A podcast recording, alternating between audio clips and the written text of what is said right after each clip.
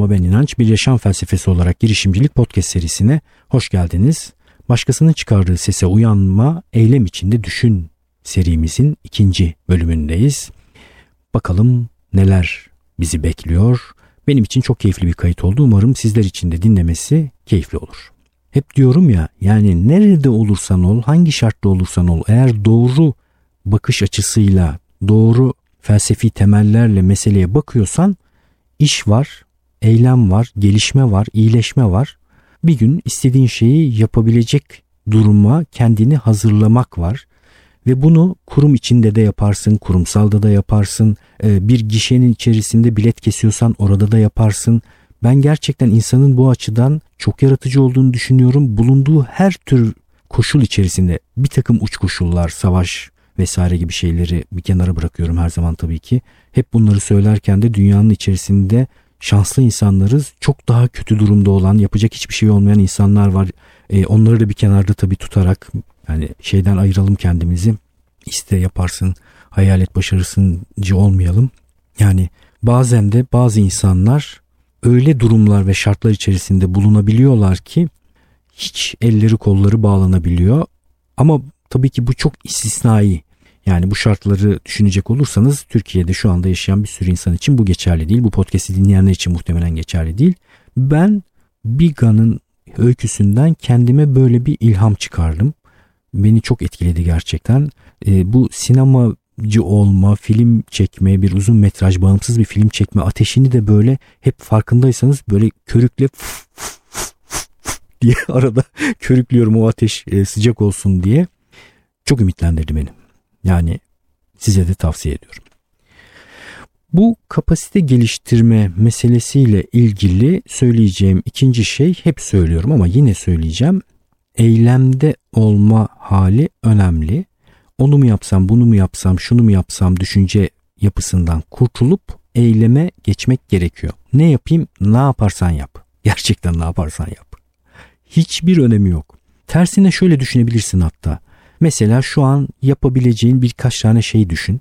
Mesela şunu yapabilirim, bunu yapabilirim, bunu yapabilirim. Normalde ne olacak? Bunların hiçbirini yapmayacaksın ya. Şöyle bir tersine çalışma yap. Bunlardan birisini düşün. O seçtiğin şeyi iki senedir belli bir periyotta yapmış olduğunu düşün. Şu anda hangi noktada olurdun? Bir de onu hayal et. İşte bu nedenle ne olduğundan bağımsız olarak eylemde bulunuyor olma hali önemli. Düşünmek de önemli, önemsiz değil. Günümüzde düşünce biraz daha bolca bulunuyor, eylem çok az bulunuyor. Türkiye'de daha önce de söyledim biraz böyle bir alanda bir şey üretmeye başladığınızda pırıl pırıl parlıyorsunuz. Etrafınızda pırıl pırıl parlayan kim varsa tek özellikleri gerçekten deli gibi çalışıp bir şeyler üretiyor olmalarıdır. Böyle yapan insanlar görünür hale geliyorlar. Ee, özellikle web, internet, sosyal medya içerisinde içerik üretmenin değerini her zaman söyledim. Herkes için geçerli. Herkesin bence ne yaptığından bağımsız bir ürettiği içerik olması gerekir. Niye içerik üretmiyorsunuz ki? Üretenlere bir şey demiyorum, üretmeyenlere diyorum. Niye üretmiyorsunuz? Ben burada gerçekten canlı bir örneği olarak bunu deneyimlemiş bir insan olarak bunu size şiddetle öneriyorum. Her hafta düzenli olarak bir şey yazın. Kendi öğrenmeyi sevdiğiniz, insanlara bilgi paylaşabileceğiniz bir alanda olsun bu. Video üretin.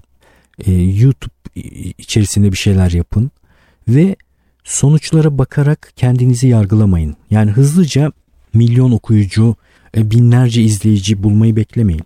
Hiç kimse izlemese de o şeyi yapıyor olmanın kendisinin getirmiş olduğu bir kapasite geliştirme var. Bunu bir kenara bırakmamak gerekiyor. Bir de tabii ki hiç düşünemeyeceğiniz, hiç yaşayamayacağınız bir takım şeyleri eylem içerisinde yaşıyorsunuz. Önemli bir kaldıraç noktası. Bir başka kaldıraç noktası benim de çok eksik olduğum bir alan yer değiştirmek, hareket etmek ve farklı insanlar tanımak.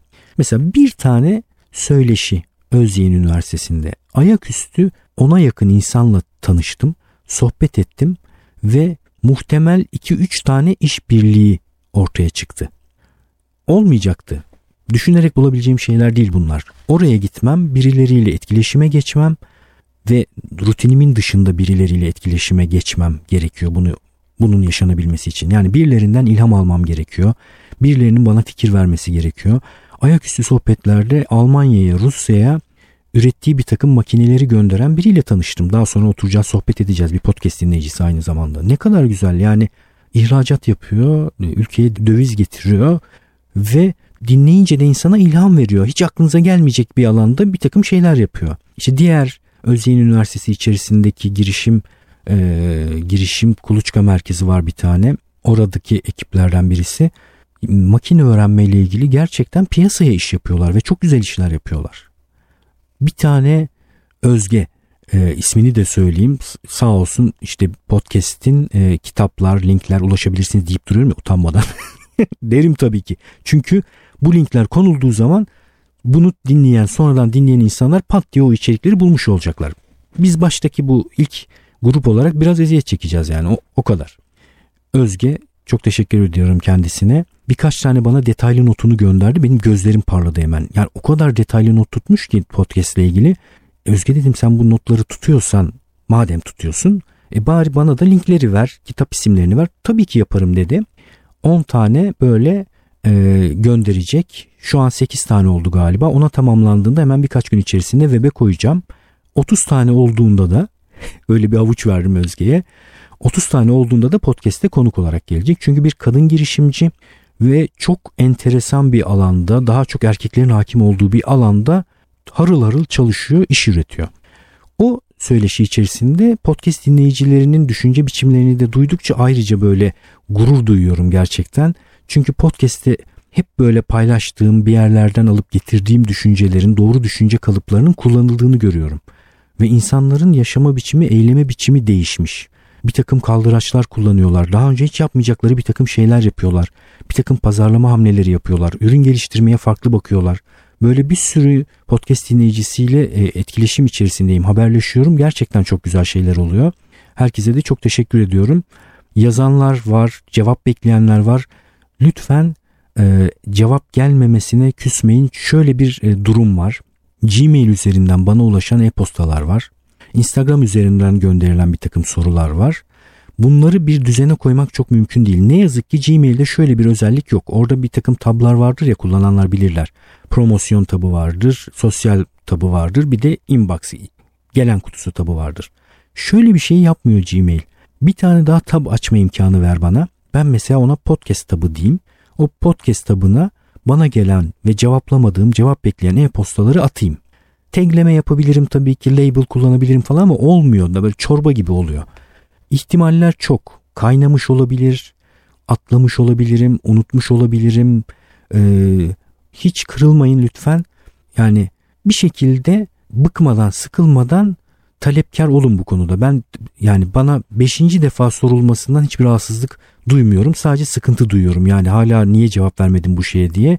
Ee, biraz beni bu konuda mazur görmenizi rica edeceğim. Lütfen soru sormaya, fikir sormaya devam edin. Ee, kahve sohbetleri yapıyoruz bu arada. Şu geçtiğimiz bir ay içerisinde biraz trafikli olduğu için benim hayatım bir takım seyahatler oldu, bir takım projeler oldu. Çok fazla yapamadım ama bu da açık. Yani oturup e, kahve içip sohbet edip sizin fikriniz ya da girişiminiz üzerine ya da yaşamınızı bir girişim olarak masaya yatırıp fikir alışverişinde beyin fırtınasında bulunabiliriz.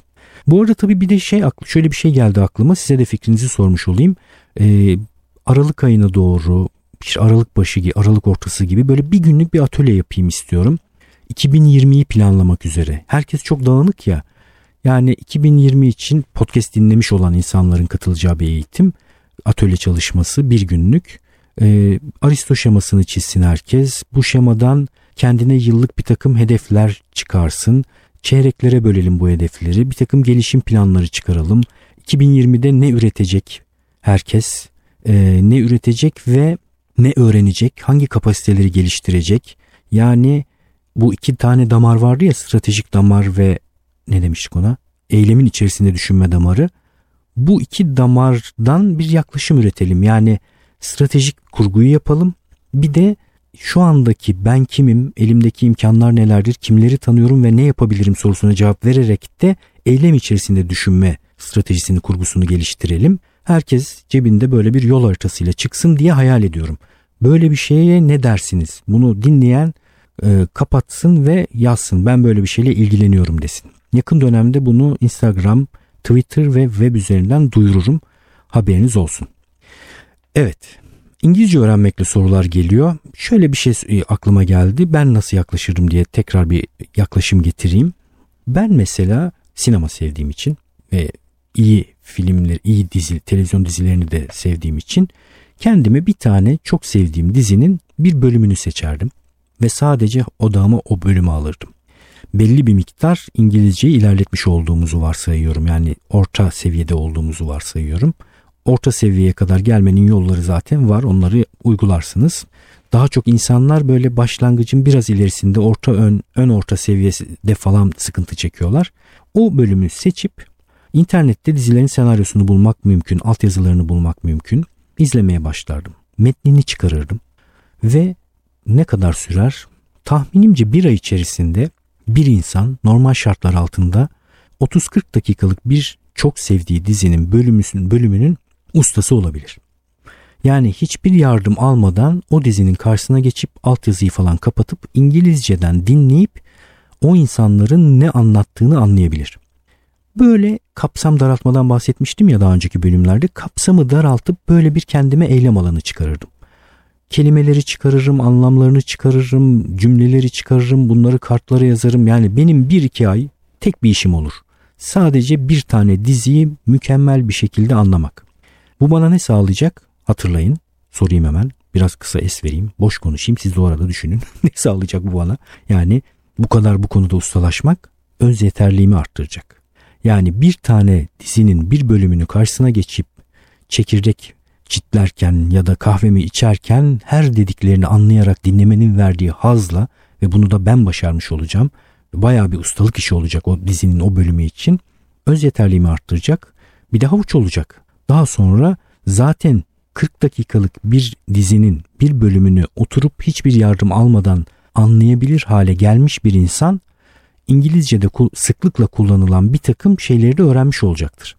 Atla deve değil en nihayetinde 1000-1500 kelime bildiğinizde normal gündelik hayat içerisinde ya da dizilerde kullanılan İngilizceyi anlayabilir hale geliyorsunuz.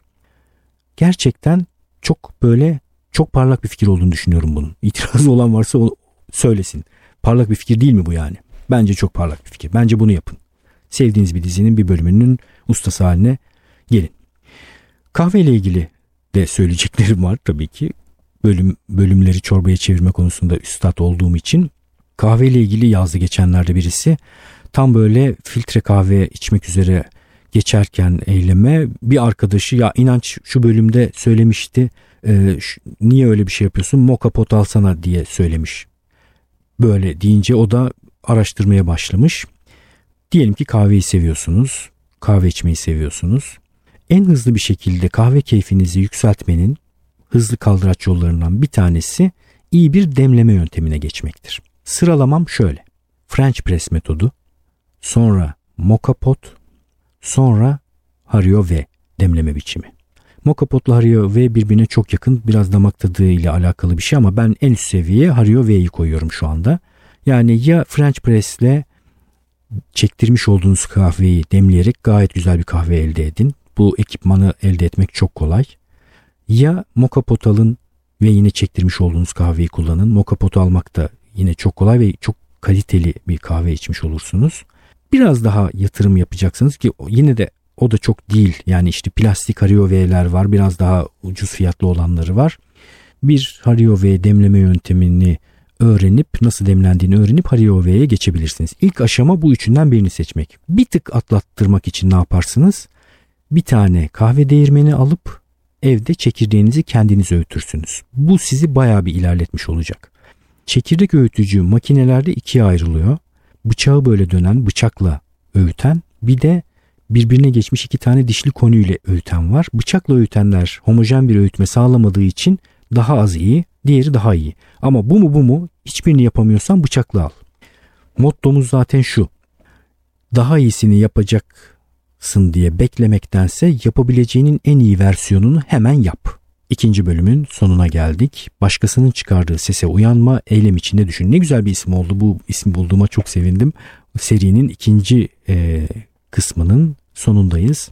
İnançayar.com podcast sekmesinden Podcast adı geçen kişilere, kitaplara, linklere ulaşabilirsiniz. Özge yardımcı oluyor artık bu linkleri hızlıca ulaştıracağım sizlere.